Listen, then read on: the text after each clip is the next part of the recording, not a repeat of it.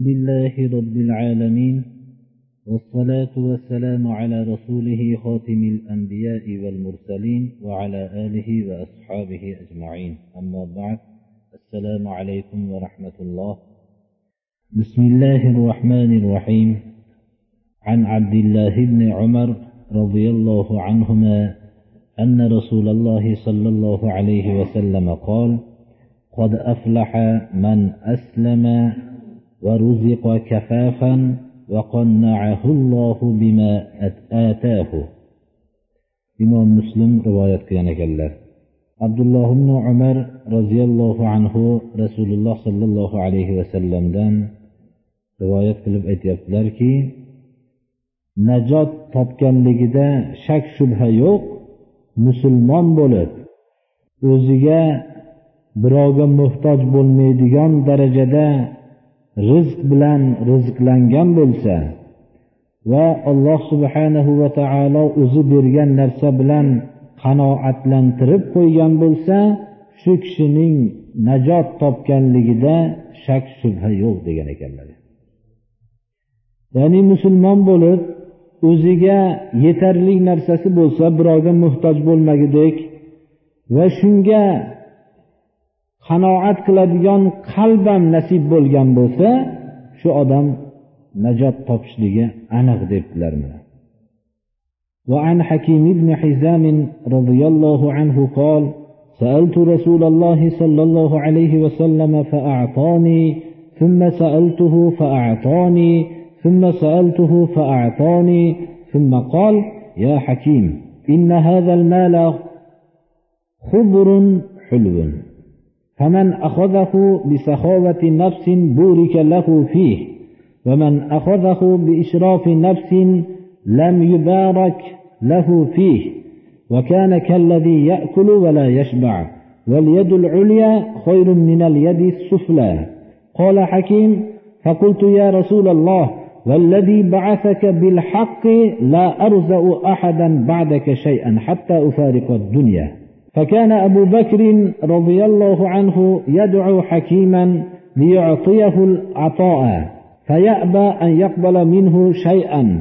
ثم إن عمر رضي الله عنه دعاه ليعطيه فأبى أن يقبله.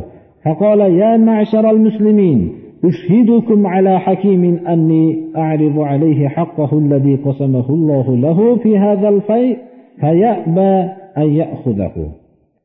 فلم يرضى حكيم أحدا من الناس بعد النبي صلى الله عليه وسلم حتى توفي حديث shu sharifni imom buxoriy imom muslim jomiy sahihlarida keltirgan ekanlar hakim ibn hizom sahobalar ichidagi mashhur kishilardan bu kishida boshqa ashoblarda ham o'ziga xos bir xususiyatlar bo'lgandek mana shu hadis sharif bu kishida qanday bir xususiyat bilan o'tganliklarini ko'rsatadi.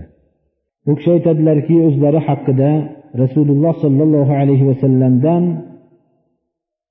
o'zimga bir marhamat qilishlarini so'radim. Berdilar. Yana bir kun kelib so'radim. Yana berdilar. Yana bir kun kelib so'radim. Yana berdilar. Va shu uchinchi marhamatlardan keyin aytdilarki ey hakim bu mol odamni ko'ziga chiroyli ko'rinadigan va totimi shirin narsa dedi. Kim buni saxovat qalb bilan olsa barakotlantiriladi molida. Agar tama bilan intilib tashna bo'lib olsa barakot yo'qoladi dedilar yeb to'ymaganga o'xshagan odamlarning safiga o'tadi dedilar beruvchi qo'l oluvchi qo'ldan yaxshiroq dedilar. Ya'ni tepadagi qo'l pastki qo'ldan yaxshiroq. Bu kinoya shuki kishi bir narsa berayotganda qo'li tepada bo'ladi oluvchini qo'li bo'lsa pastda bo'ladi. Hakim aytadilarki roziyallohu anhu shu so'zni eshitganimdan keyin yo rasululloh dedim. Sizni haq bilan jo'natgan zotni nomiga qasam ichib aytamanki sizdan keyin birovdan bir narsa so'ramasdan dunyodan o'taman dedilar. Payg'ambarimiz sollallohu alayhi vasallamdan bu kishi vafot qilib ketganlaridan keyin abu bakr roziyallohu anhu xalifa bo'ldilarda bu har bir sahobalarning o'zlarini yillik maoshlari ulushlari bor edi. Hakimni chaqirardilarda o'zingizni haqqingizni oling derdilar. Qabul qilishlikdan bosh tortardi. Umar roziyallohu anhuda bu kishi ham xalifalik davrlarida hakim ibn hizomni chaqirar ekanlarda marhamatingizni oling o'zingizni haqqingizni derdilar u kishidan ham qabul qilishlikdan bosh tortdilar. Shunda umar ibn hattob o'zlari shuni hakimga hech narsa bermayapti degan narsa bo'lib qolmasin meni shonimda deb ey musulmonlar jamoasi men sizlarni hammanglarni guvoh qilamanki hakimni haqqini beryapmanu u o'zi olmayapti dedilar. Olloh shu g'animatda taqsim qilgan g'animatni men mana ajratyapman sizlarni guvoh qilyapman. Bu olmayapti dedilar. Olmasdan o'tib ketgan ekanlar. Payg'ambarimiz sollallohu alayhi vasallamdan keyin vafot topgunlaricha hatto o'zlarining shar'iy haqlari bo'lgan g'animatdagi haqlarni ham olmasdan o'tib ketgan ekanlar. Bu hakim ibn hizomni o'ziga xos bo'lgan bir xususiyatlardan bittasi mana shu birodarlar. Bu hadisni keltirishligimdan o'zinglarga ma'lum ham bo'lib qoldi. Shunday o'rinlar borki o'zi halol. Lekin birov uni harom deyolmaydi shu narsani olmasligimiz biz so'ramasligimiz birovdan shu narsani beringlar demasligimiz dinimiz g'arib bo'lib turgan vaqtda dinimizni rivojiga sabab bo'ladigan bo'lsa ba'zimiz bo'lsa ham voz kechaylik shundan. Voz kechgandan keyin boshqalarni yo bu narsani olmayotgan yo shunday qilayotgan kishilar bir harom deyotgani yo'q boshqa narsalarni.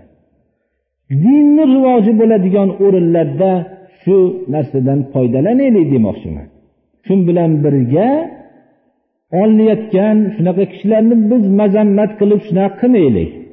Lekin yana bir bor iltimos qilamiz olmayotgan kishilarni ham mazammat qilishmasinlar shu bir har birimizni boshimizda shu narsa sodir bo'ladi.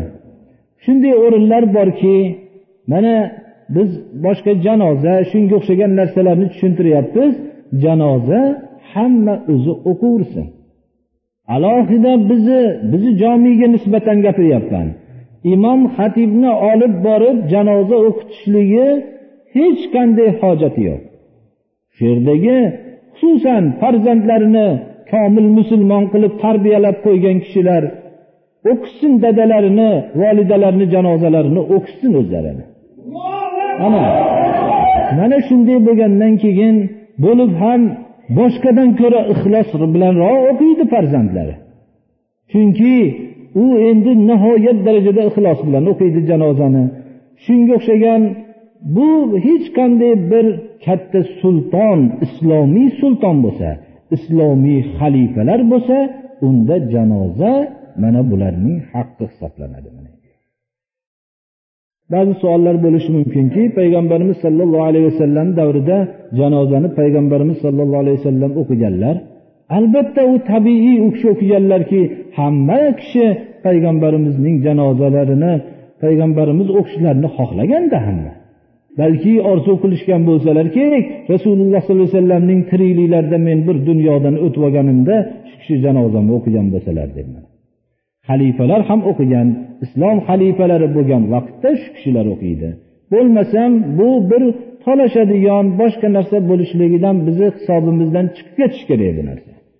Bu juda oddiy masalaga aylanishi kerak o'rtamizda shuni.